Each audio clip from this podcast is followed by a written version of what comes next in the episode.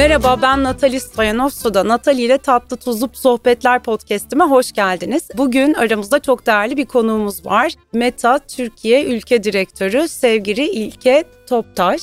Hoş geldin İlkeciğim. Teşekkür ederim, hoş bulduk. Çok teşekkürler davet için tekrar. Biliyorsunuz Meta aslında altında bir sürü grubu barındırıyor. WhatsApp, Facebook, Instagram gibi bizim hayatımızda muhteşem yer kaplayan 3 tane çok değerli enstrüman. Bize birazcık kendinden önce bahseder misin? Kariyer yolculuğundan ve ondan sonra da çok merak ettiğimiz bir sürü soru var. Oralardan devam edelim seninle. Süper. Hikayemi böyle 3 bölümde anlatmayı ben daha kolay buluyorum. İlk dönem benim profesyonel sporcu olduğum dönem. Ee, eski milli basketbolcuyum. Bu bence benim hem karakterimi hem de iş kimliğimi gerçekten şekillendiren hani bugün olduğum yerde böyle dönüp baktığımda ben bunu neye borçluyum diye düşündüğümde e, bu yılların aslında gerçekten çok çok önemli bir rol oynadığını görüyorum. Bir o kısım var. Daha sonra ikinci bölüm benim için kendimi biraz daha böyle hem iş geliştirmeye olan tutkum hem de girişimci ruhumla böyle özdeşleştirdiğim bir dönem bu. Orada neler yaptım? Ee, daha çok aslında ilk başta belki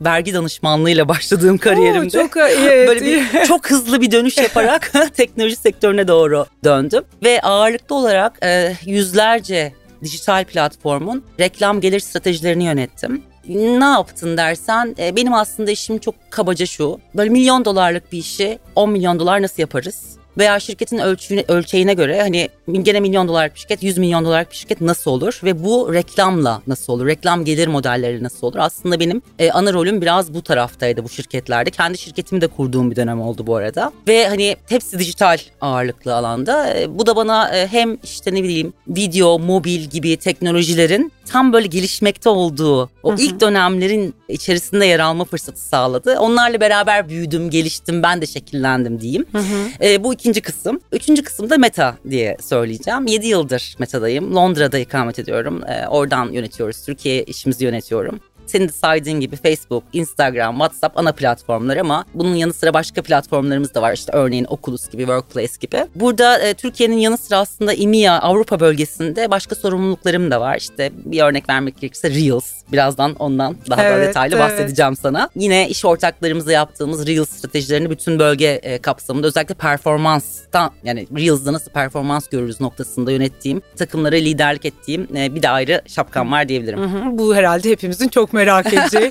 e, işletmeler olarak özellikle çok merak edeceği bir konu. Tabii hepimizin hayatı içinde Instagram, Facebook ve diğer hani bütün uygulamalardan bahsedecek olursak bizi önümüzdeki dönemlerde en kaba şekliyle şimdi buradan bir başlayalım. Tüketicileri neler bekliyor, takipçileri neler bekliyor? Hemen böyle yakın zamanda neler olacak bu dünyada? Bize ne ipuçları verebilirsin? Böyle sosyal mobil teknolojiler hani kategorisi gibi düşüneceğim ama daha tabii geniş bu. Üç tane ana başlık altında alalım Hı-hı. bence bunu. Bir şeye bakalım tüketici kullanıcı kısmına yani içerikleri tüketen, kullanan, nihai kullanıcı dediğimiz kısım. Bir belki ticaretse bir başlık açabiliriz. Olur.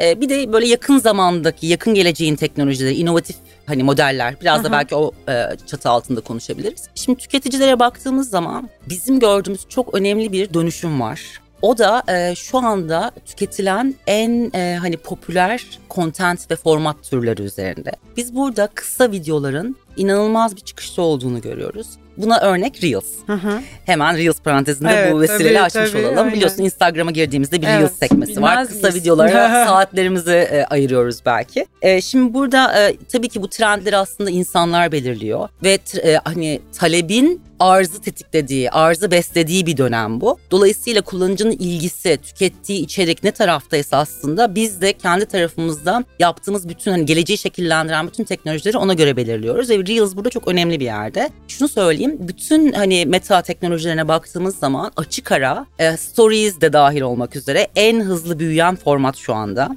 E, ama biz bunu böyle tam bir format olarak görmüyoruz. Bu bir dil.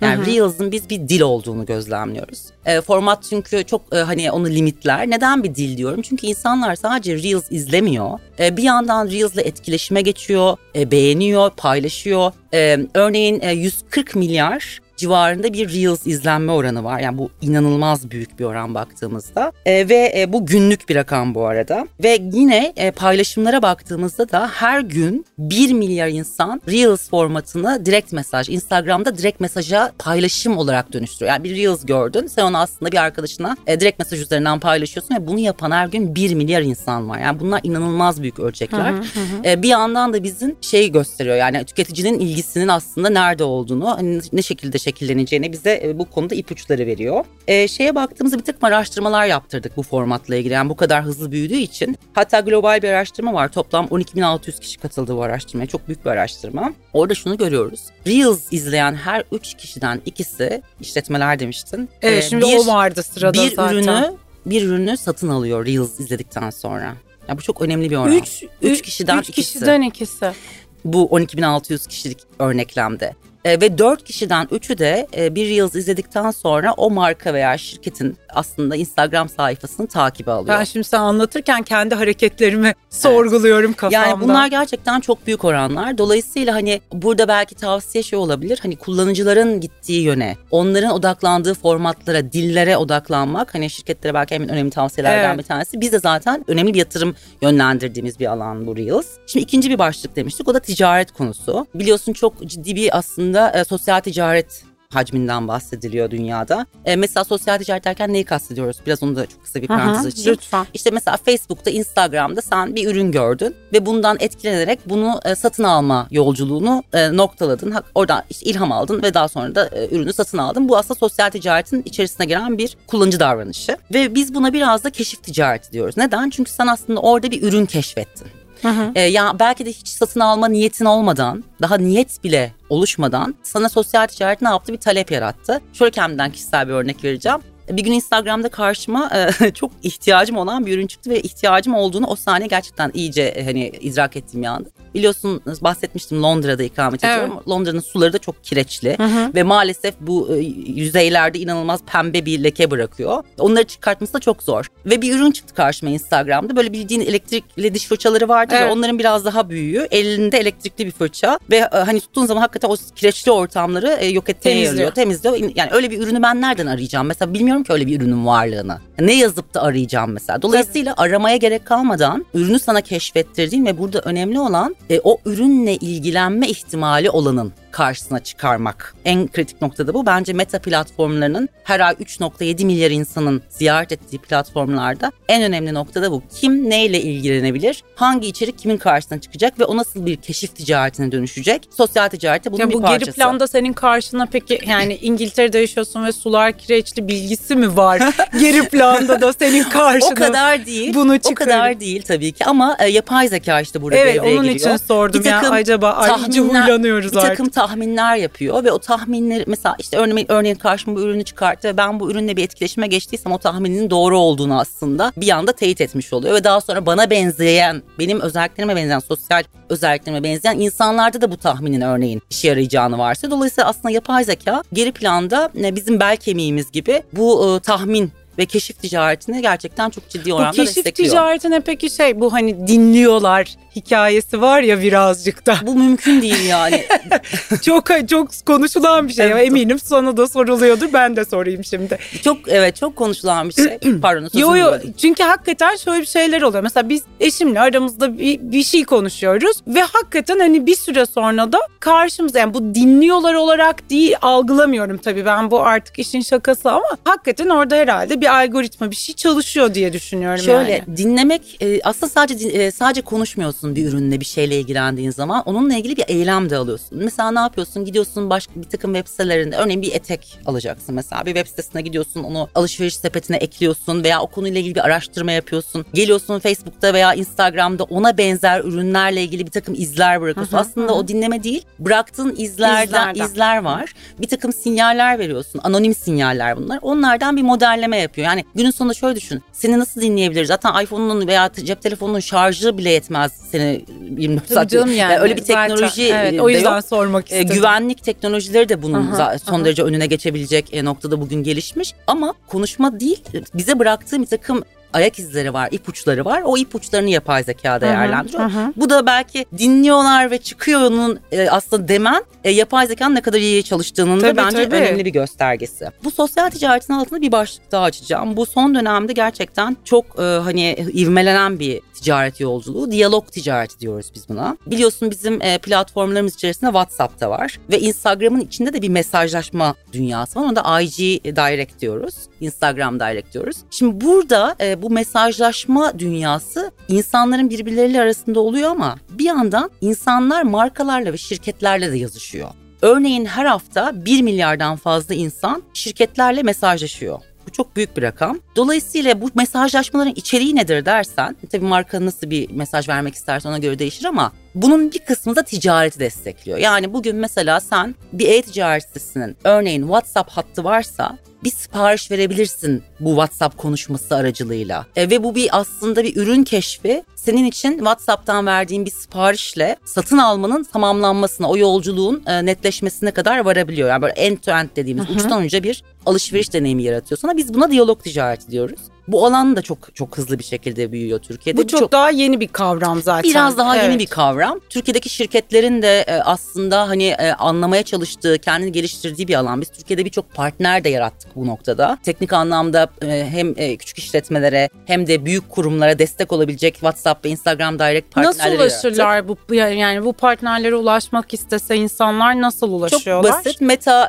Business Partners diye search ettikleri zaman, Aha, aradıkları öyle, zaman tamam. direkt karşılarına hani orada konuş konuşma, diyalog ticareti diye bakabilirler. WhatsApp, tamam. Instagram Direct diye bakabilirler. Bu bilgiyi de paylaşalım çünkü tabii, hani tabii. E, son derece merak Çok edilecek bir şey. Çünkü benim de sorularımda yine vardı. Sonuçta hani işletmeler olarak biz Instagram'ı hakikaten yani çok etkin. Instagram'da bir şey paylaşmayı kestiğin anda hakikaten bunun satıştaki etkisini, e, olumsuz etkisini görüyorsun ve paylaştığın zaman da olumlu etkisini evet. ve o word of mouth'u çok ciddi hareketlendirdiğini en küçük firmadan en büyük firmaya kadar hani etki alanları değişerek gidiyor. Dolayısıyla tabii şimdi artık rekabet iyice derinleşiyor ve o noktada alternatif işte bu sizin hani şimdi konuştuğumuz diyal ne dediniz? Diyalog ticareti. Diyalog ticareti. Belki hakikaten buradaki orta küçük ölçekli firmaların yani her büyükler zaten bir şekilde keşfetmek durumundalar. Bunları keşfetmişlerdir. Tabii. Ama orta ve küçük ölçekli firmalar için de olabiliyor olması çok değerli olacak muhtemelen. Kesinlikle ve sosyal ticaretin altında önemli bir başlık. Araştırmalar bize şunu gösteriyor. Yani sosyal ticaret klasik e-ticaret oranla bir buçuk kat daha hızlı büyüyor. Ee, bunun da altında tabii hem bizim platformlarımızda çıkarttığımız satın alma yönelik çözümler çok ön planda ama diyalog ticareti de çok çok hızlı büyüyen bir alan. Onu, onu keşfetmelerini şimdiden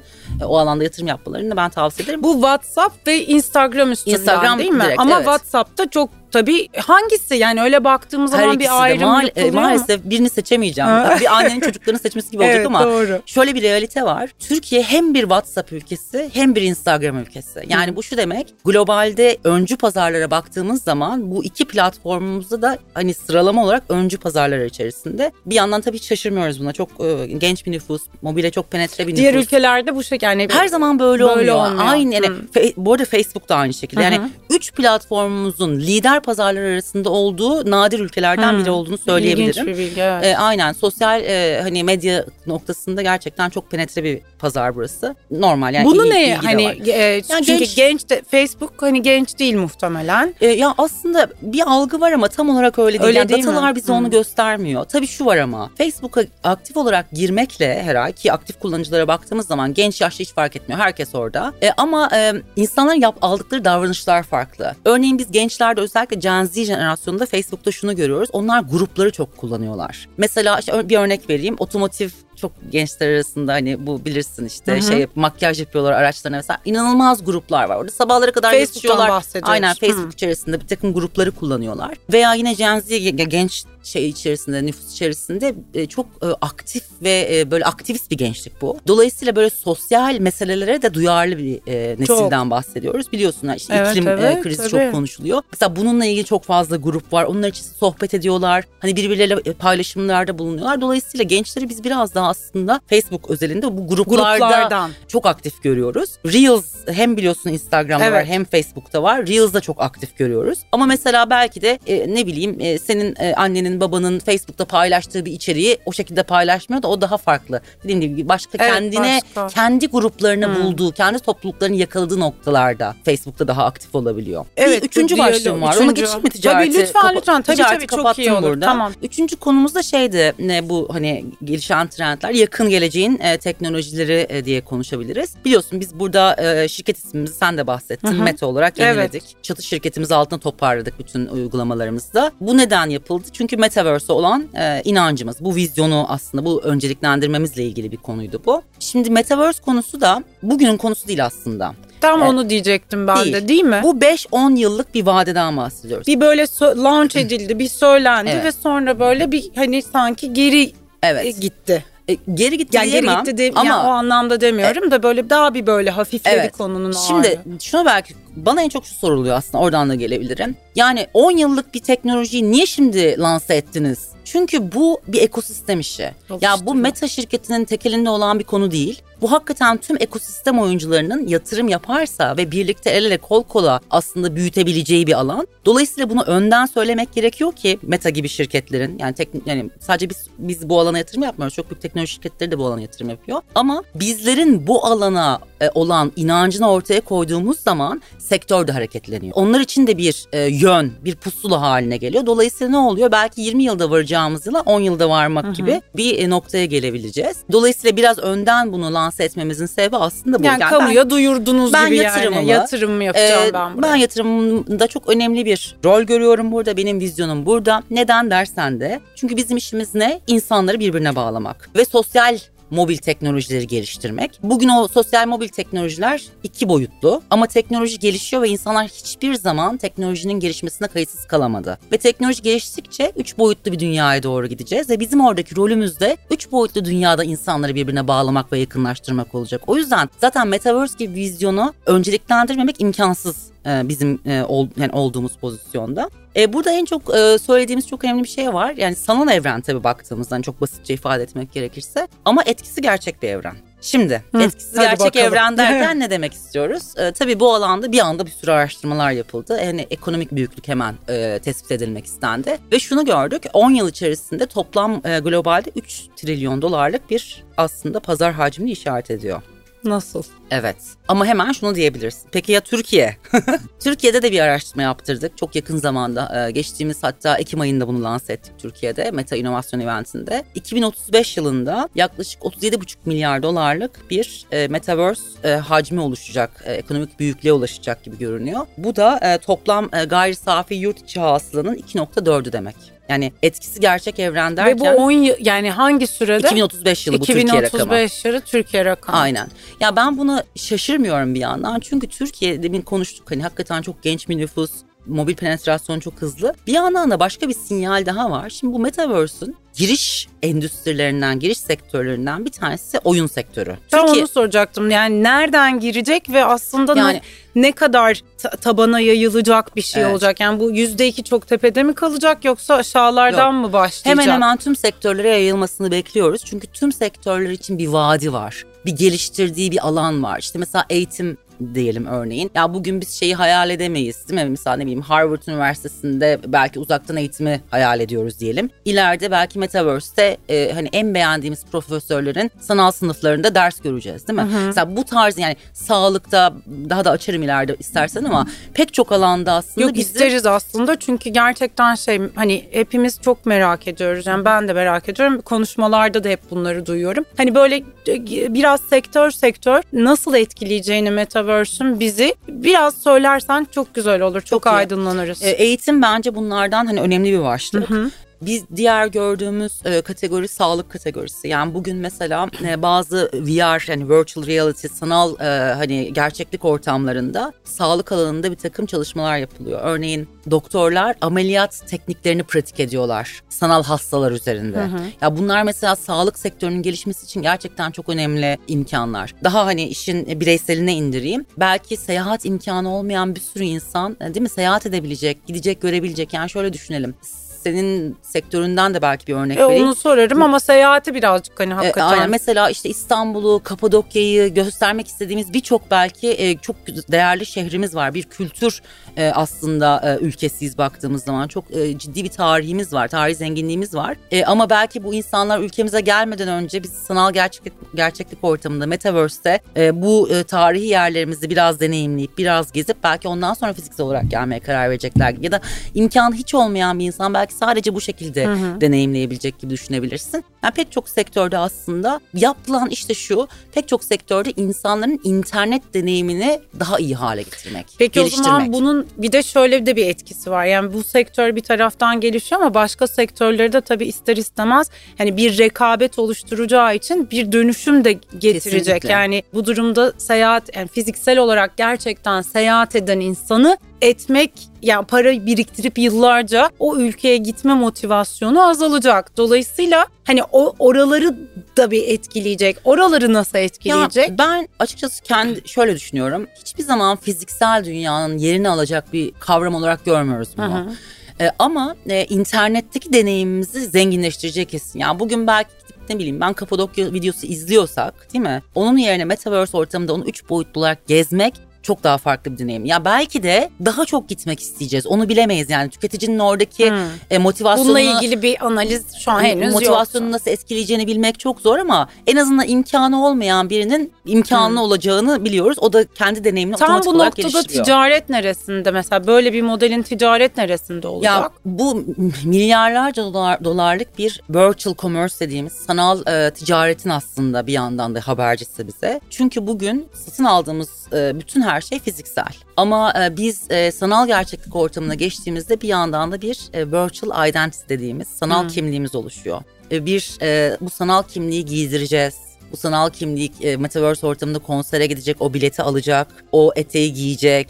Avatarını belki dijital kimliği çünkü onun şekillendirecek. Bu arada bizim jenerasyonumuz için belki bunlar çok ütopik geliyor olabilir ama benim mesela iki tane oğlum var ve onlar Minecraft gibi e, hani oyunlar içerisinde e, zaten avatarlarını, dijital kimliklerini e, giydirerek, kişiselleştirerek büyüyen bir nesil. Buna çok alışkınlar. Hatta ilk Oculus cihazımız var sanal gerçeklik başlığımız ilk eve getirdiğimde e, benim hani kişiselleştirme seçeneği birkaç e, saatimi aldı. Benim oğlum 30. saniyede o soruyu sordu. Yani ben bunu Ciddi nasıl mi? kişiselleştireceğim? Çünkü o var olmak istiyor. O ortamda kendini var etmek istediği için onun kişiselleştirme ihtiyacı var. Dolayısıyla milyarlarca dolarlık bir aslında endüstri demek bir yandan. O yüzden de hani demin dedim ya e, 10 yıl içerisinde 3 trilyon dolarlık bir Evet. ekonomiden bahsediyoruz diye. E, yani kaçınılmaz e, baktığımızda çok ciddi bir e, büyüklüğü bize işaret ediyor. Ama tabii bunlar hep 5-10 yıllık bir vade. İşte bunların olabilmesi için bu hayal ettiğimiz dünyanın daha da hızlanabilmesi için bizim gibi şirketlerin bu tarz anonsları önden yapması da çok değerli çok ki doğru. bu tarz noktalarda e, bir, ta- bir takım içerikler e, üretilmeye başlansın, yatırımlar yapılmaya başlansın. E, bu yatırımları da biz en çok şu anda köprü olarak, Metaverse'de köprü olarak gördüğümüz artırılmış gerçeklik teknolojilerinde görüyoruz. Hı hı. Augmented reality dediğimiz AR teknolojilerinde. Bizden bir istatistik vereyim. E, her ay e, 700 milyondan fazla insan artırılmış gerçeklik teknolojilerini bizim platformlarımızda deniyor. Mesela bir tane basit örnek, işletme örneği vereyim. İşte bugün mesela e, Instagram kamerasını açtığın zaman bir markanın mesela diyelim ki mobilya markası olsun. Onun işte yarattığı bir sehpayı sen salonunda nasıl duruyor diye bakıyorsun Instagram kameranla. E, daha sonra da belki satın alıyorsun. Mesela bu aslında bugün o iki boy yani AR'la yaptığın e, deneyimi bir süre sonra tamamen virtual dediğimiz metaverse evrenine geçtiğimizde kendi zaten Hı, bir çok salonun ciddi içi- hazırlıyorsun. Aynen öyle. Evet, yani o köprü ciddi. artık yavaş yavaş oluşuyor Peki diyebiliriz. yeme içme sektörü için bize ne söyleyebilirsin İlkeciğim? Yani bu nasıl etkiler, ne olur, ne bekliyor? Biz nasıl kendimizi hazırlayabiliriz sektör olarak? Ben burada iki tane hani alan görüyorum. Bir keşfettirme alanı, bir aksiyona geçirme alanı. Şimdi keşif alanında zaten biraz bahsettik keşif Evet. ticaretinden ama bence bu yeme içme sektörü için çok e, önemli ve orada Instagram çok kritik bir rolde. Hatta sana bir istatistik getirdim. Her üç kişiden ikisi demiş ki Instagram benim seçeceğim fast food restoranı konusunda bana yardımcı oluyor. Ya bir karar almadan önce ne, nerede ne yiyecek? Üç kişiden ikisi keşif noktasında burada aslında Instagram'a başvuruyor. Bir başka istatistik vereceğim sana. E, millennial dediğimiz kadronun %86'sı yeni bir restoran denemeden önce bir dijital içeriği izliyor veya takip ediyor Tabii ve buna göre kızlarım, bir... benim de iki tane kızım var. Tam da işte dediğin gibi yapıyor. Evet. Mesela yurt dışında bir restorana gideceğiz. Biz normalde geleneksel olarak hani Google'a giriyoruz, bakıyoruz filan böyle oradan araştırıyoruz. O direkt Instagram'dan giriyor. Evet. Ve ne yiyeceğine de menüsüne filan biz yine işte klasik menü bakıyoruz filan internetten araştırıyoruz. O öyle değil. O Instagram'a giriyor, Reels'lara bakıyor ve ona göre yiyeceğine veriyor, karar değil mi? veriyor. Ama artık ben de bir kız annesi olarak bu akşam bir restorana gideceğim. Hiç gitmemiştim şeye o menüsüne bakmadım. Instagram'a girip işte ne yiyeceğime oradan baktım filan. Ama Aynen. hakikaten seçici yani ve hiç onun Instagram'ına o, o e, markanın Instagram'ına girmemiştim. Ee, sadece seçmek için, keşfetmek için aslında Aynen. yaptım bu, bunu. Bir de e, haritalar özelliği var ya hani Instagram'da aslında bulunduğun lokasyona yakın hangi Instagram'da haritalar üzerinden şey görebiliyorsun. Ne tür restoranlar var, hangi evet. arkadaşların o restoranlarda taglemişler kendilerini, hangi fotoğraflara, ne yemişlere kadar aslında açık bir platform. Sen girip kendin baktığın için hani keşfetmenin yanı sıra emin olma ve e, senin zevklerine benzer zevklere sahip olduğun e, dostlarının e, hani tecrübe ettiği şeyleri tecrübe etmek gibi de bir aslında açılım yaratıyor. Dolayısıyla keşif hakikaten e, restoran tarafında yiyecek içecek tadım bu noktalarda çok kritik. Bir de biliyorsun creator'lar var, influencer'lar var. Tabii. Onun da inanılmaz bir e, hani takip noktası var Instagram'da. Onlar da gerçekten çok etkili oluyor. İnsanlara yeni şeyler keşfettirmek. Ama keşif dediğim gibi bir başlık. Bir de aksiyon demiştim. Aksiyon başlığı. Şimdi hakikaten restoranlara özel reklam çözümleri de var meta Hı hı. platformlar içerisinde. Bu da aksiyonu tetiklemek için bence çok önemli. Mesela birkaç örnek vereyim. Mesajda sipariş verme. Şimdi biraz önce diyalog ticareti demiştik. WhatsApp Evet. ve Instagram Direct üzerinden. Öyle bir reklam modeli var ki sen aslında direkt WhatsApp'tan veya Instagram Direct'ten sipariş vermeye yönlendirebileceğin bir reklam modeli devreye alabiliyorsun. Yani karşına bir içerik çıktı ve sana bir aksiyon soruyor ne yapmak istiyorsun. Ve o sipariş vere bastığın anda bir WhatsApp konuşması veya bir Instagram Direct konuşması açılabiliyor. Böylelikle ne oluyor? Bir anda diyalog ticaretine hop adım atmış Adım oluyorsun. atmış. Veya menüyü göster, restorana yol tarifi ver, hemen ara gibi e, tamamen hani bu sektöre özel e, bir takım çözümler de var. Bunlar da tabii aksiyonu tetikliyor. Ama hani daha anladığım kadarıyla bizim sektörün Metaverse tarafına azıcık yolu var sanki. Ee, bence yolu var ama orada o kadar çok fırsat var ki yani düşünsene bir tabağı deneyimlettirebilirsin. Hı hı. Ya da işte ne bileyim ben e, Hatay mutfağında neler var Metaverse ortamında bunları gösterebilirsin. İnsanlar hem o kültürel dokuları ziyaret ederken ortamları görürken bir yandan o yemekler nasıl yapılıyor, neden o şekilde hangi malzeme niye kullanılıyor kadar aslında deneyimin içine girdiğin Deneyimin içine girdi. ee, hani uzaktan baktığın arkadaşım hangi restorana gitmiş değil de hakikaten deneyimin bir parçası olduğun hatta aktörü olduğun, başrol oyuncusu olduğun bir metaverse deneyimi yaşamakta tabii ki mümkün olacak. o tarafa doğru gidiyoruz İnşallah. yani. Hazırlanacağız o zaman. Aynen. Instagram direkt alışverişten biraz bahsetmeni isteyeceğim. Tamam. Henüz daha Türkiye'de direkt alışveriş yok ama başlayacak herhalde. Biraz ondan bahsedebilir miyiz? Ne olacak, ne bitecek? Şimdi e, aslında biz alışverişe yani Instagram okey çok ciddi bir rol oynuyor gerçekten alışveriş yolculuğunda ama biraz daha böyle e, hibrit görüyoruz. Hı hı. Çünkü demin bak bir sürü touch point dediğimiz bir sürü dokunma noktasından bahsettik. Yani Reels da bizi bir alışverişe yönlendirebilir. Story de yönlendirebilir. Facebook'ta gördüğümüz bir haber akışına gördüğümüz bir şey de yönlendirebilir. Bir grup içerisindeki bir reklam modeli de yönlendirebilir. Dolayısıyla çok fazla e, insanlara gün içerisinde defalarca dokunduğumuz nokta var. acha? Şimdi bu kadar çok nokta olduğu zaman otomatik olarak böyle hibrit bir aslında akışkan bir e, alışveriş yolculuğu karşımıza çıkıyor. Yani salt Instagram e, hani alışverişi gibi değil de biz konuyu biraz daha biz bir adım geriye çekilip kullanıcı hangi e, dok- ona dokunma noktalarımızdan geçiyorsa alışverişi aslında o noktalarda nasıl konumlandırırız? Biraz daha buna baktığımız daha akışkan bir modele doğru gidiyoruz ve bütün e, yeni çıkarttığımız aslında alışveriş modellerinde biraz bu yönde Hı hı. şu an geliştiriyoruz. İşte bir tane çok yeni bir model çıkarttık ve yapay zekamızın da e, en çok desteklediği bir model Advantage Suite adı. Hani onun detayına çok girmeyeyim ama baktığın zaman X bir ürünü alışveriş etme ihtimali olan insanları hangi touch point'ine yani meta dünyasında nerede yakalayacak? Reels'da mı, Story'de mi, orada mı, burada mı? Ve ne zaman yakalayacak? Ve onun karşısına ne çıkaracak buna bakıyor. Şimdi öteki türlü sadece Instagram shopping diye baktığımızda kendimizi çok limitli bir yere Hmm. e, itiyoruz.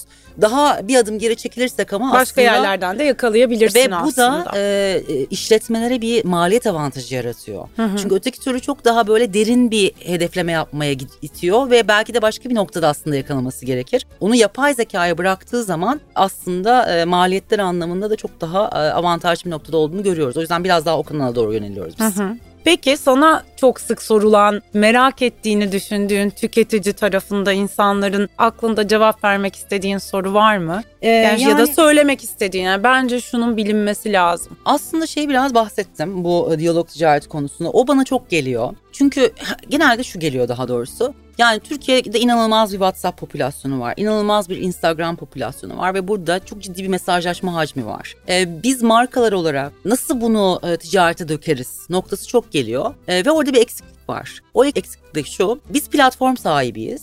Ama o platformumuzda bir konuşma dizayn etmek lazım. Birinin o konuşmayı yaratması gerekiyor. Yani benim şu anda gördüğüm en büyük eksikliklerden biri o. Hmm. Conversation design dediğimiz bir kısım, bir boşluk var orada. Yani onu nasıl doldurabiliriz? O alanı nasıl e, yaratabiliriz? Aslında en çok gelen e, noktalardan biri. Bir diğer noktada teknik partner konusuydu. Onu çözdük zaten Türkiye'de. Çok fazla teknik partnerimiz var. En azından Evet o o boşluğu şu anda hakikaten dolmuş- gerçekten muhatap yok hani. Evet, e, evet. O şu anda vardı. çözüldü. E, ama o conversation'ı, o konuşmayı nasıl şekillendirecekler? E, e, o kısım bence bundan sonra kritik olacak. Oraya biraz daha bence e, kafa yormak gerekiyor. Bu alanı daha iyi bir şekilde kullanmak için dediğim gibi. E, Teknik partnerler o konuda destek verebiliyor verebiliyorlar ama mı? onlar biraz daha teknik kalıyor. Teknik yani kalıyor. onlar WhatsApp'ın, Instagram'ın hani teknik anlamda e, nasıl e, bizim işte platformumuza nasıl bağlanacak markalar daha çok o altyapıları e, inşa ediyorlar. Ama markanın veya işletmenin, küçük işletmenin ne demek istediğine yani çünkü milyarlarca, milyonlarca insanla sen birebir bir konuşma yaratıyorsun. Bu konuşmada ne diyeceğini aslında düşünmesi ve tasarlaması lazım. Ya kendisi tasarlayacak gerçekten ya da e, bu alandaki hani conversation agents dediğimiz yerlere başvuracak ama e, bu alana bence biraz daha e, odaklanmaları lazım ki gerçekten buradaki fırsat kaçmasın. Hani onu Bu söyleyeyim. tabii bir de şey birebir müşteriyle aslında iletişim kurma kanalı yani hani Kesinlikle. çok o deneyimi çok birebir yaşat, yaşatacak müşteriye ki Kesinlikle. yani hakikaten bu çok değerli. Evet. Bir başka noktada creators noktası. Şimdi biz biliyorsun yeni nesil içerik üreticileri olarak tanımlıyoruz creators'ı. Ama bizim nesil neyle büyüdü? Influencer kavramıyla büyüdü. Evet. Bir anda influencer'dan creators'a geçiş yaptık. Neden? Ee, bunun evet bu mesela anla, bu çünkü anla, anlamak gereken bir nokta bu. Tamam. Çünkü aslında artık e, insan yani yaratılan e, bu bir içerik yaratımına döndü. Etkiden etki sağlamak değil yani etkilemekten ziyade bir içerik yaratımına doğru bir e, dönüş görüyoruz biz. Onu da şöyle açıklayayım. Şimdi bir e, içerik yaratıcısı dediğimiz zaman biz sadece ne bileyim örneğin bir food influencer eski şeyde dilimizde bir e, yiyecek içecek influencer diyelim. E, onun yarattığı bir e, restoran serisi, gezme serisi gibi değil. Ama creator dediğimiz zaman belki de metaverse ortamında o bahsettiğimiz Hatay mutfağının tabağını dijital 3D olarak yaratacak bir kitleden de bahsediyoruz. Oyun e, mesela üreticileri de bizim için yeni nesil içe- içerik üreticileri creator içerisine giriyor. E, developerlar da giriyor. Yani aslında yaratım çok şe- şekillendi ve değişti. Çeşitlendi. Yani artık sadece etkilemek üzerine değil, yaratım üzerine döndüğümüz, e, dönüştüğümüz bir dünyadayız. Ve çok ilginç. e, en önemli yaratıcılarımız da Gen Z. Hatta sana bir istatistik getirmiştim. %70'i 72'si içerik üretiyor. Wow bu kadar yüksek. Yani 52 persen, 52 %52 normal hani diğer e, yetişkinler diye düşünürsek %72'si e, gençlerin şu anda içerik üretiyor. Yani bir yaratıma, üretime Şu doğru yaratma dönüyoruz. bir daha bir anlatır mısın? Yani e, influencer'la creator arasındaki farkı başka belki bir örnek üstünden Bir, bir marka belki örneği üzerinden vereyim. Mesela bir işte bir şampuan reklamı yapacak Hı hı. diyelim ki işte influencer ne yapar, eski- creator ne e, e, yapar? e, influencer creator diye ayırmıyoruz aslında. Influencerlar creator oluyor Yo diyoruz. yo tabii tabii. Ha. Yani influencer nasıl yapardı, creator nasıl onu e, yorumladı? Evet. Yani önceden nasıldı? Mesela alırdı işte şampuanı koyardı Instagram storiesinin içerisine. Belki sadece bir şey gösterirdi. İşte ben bu ürünü e, kullanıyorumun etkisini verirdi. Şimdi alıyor o ürünle beraber canlı yayın yapıyor. Onu kullanıyor. O üründen başka bir şey yaratıyor. Ha. Hatta o ürünü mesela AR augmented reality dediğimiz artırılmış gerçeklik gerçeklik artistleri var, creatorları var.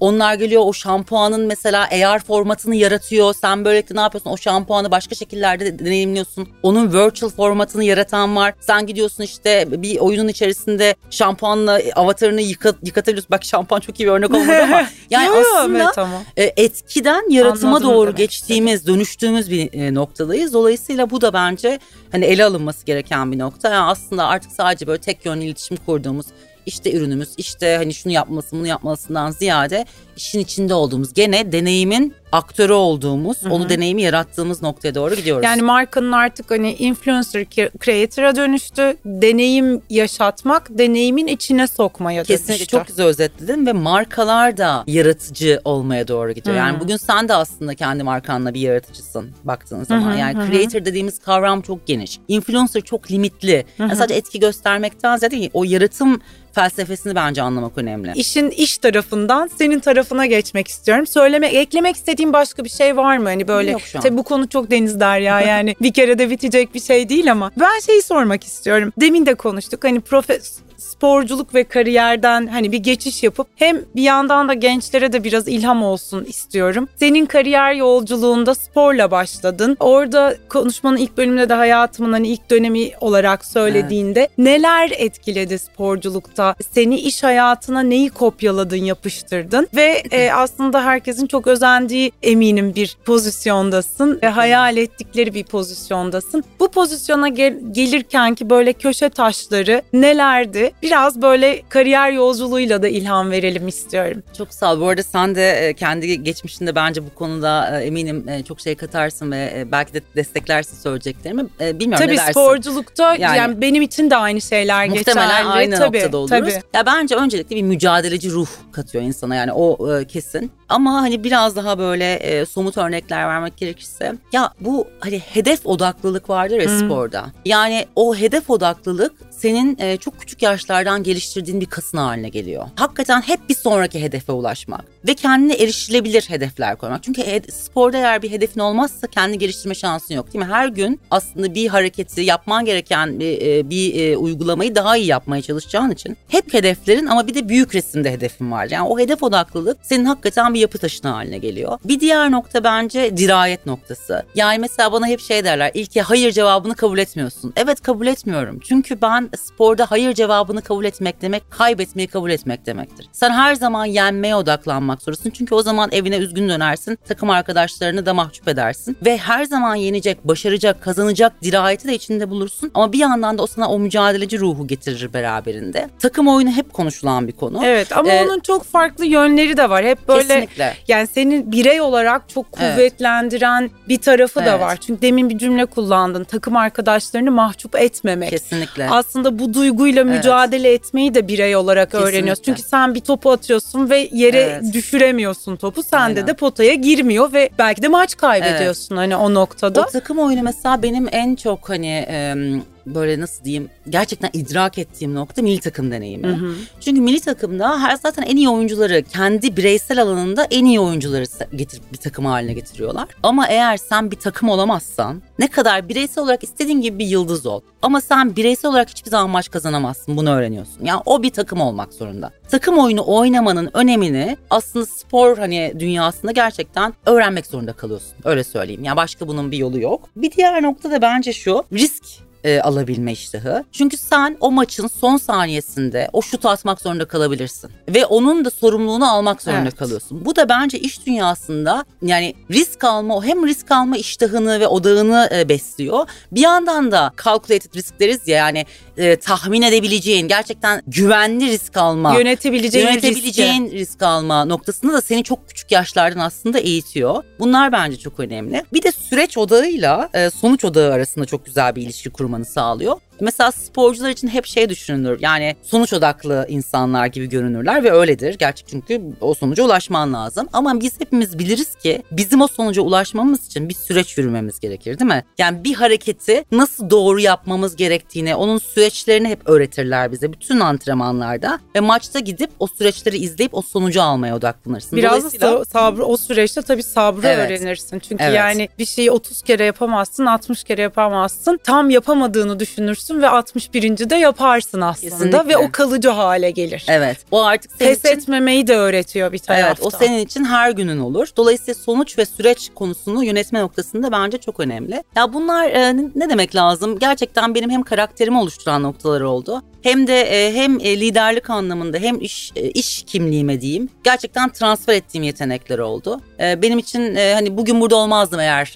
öyle bir geçmişim olsaydı Aha. öyle düşünüyorum. Okul nasıl gelişti? Okul hayatında nasıldı? Ne- na- nerelerde okudun? İstanbul Üniversitesi İngilizce iktisat mezunuyum. Oradan sonra Berkeley'e gittim. Finans o zaman o dönem hatırlarsın evet, bizim zamanımızda evet. çok hani popüler bir alandı. İşte o o sebeple vergi danışmanlığına önce geçtim. Herkesin bir danışmanlık şirketi deneyimi e, yapma isteği vardı o dönemde. Dedim Evet, bu evet, çok iyi kesinlikle bana göre değil. Tekrar Berkeley'e geri döndüm. Ha, Pazarlama geri okudum. döndün Geri tekrar. döndüm. Ha. Aynen. Pazarlama dünyasının tam bana göre olduğunu fark ettim. Yani özellikle inovasyon ve teknoloji Hayır, çok kısmı. belli zaten. E, yani o hani çok. hız da var Evet. ya sporcularda. Hani o dinamizm, enerji. Dolayısıyla ben gerçekten enerjik bir sektörde olmak istiyorum noktasından aslında teknoloji sektörüne doğru e, geçiş yaptım. O deneyim de biraz öyle gelişti. Vallahi ne diyeyim çok teşekkür ederiz. Çok e, ilham verici.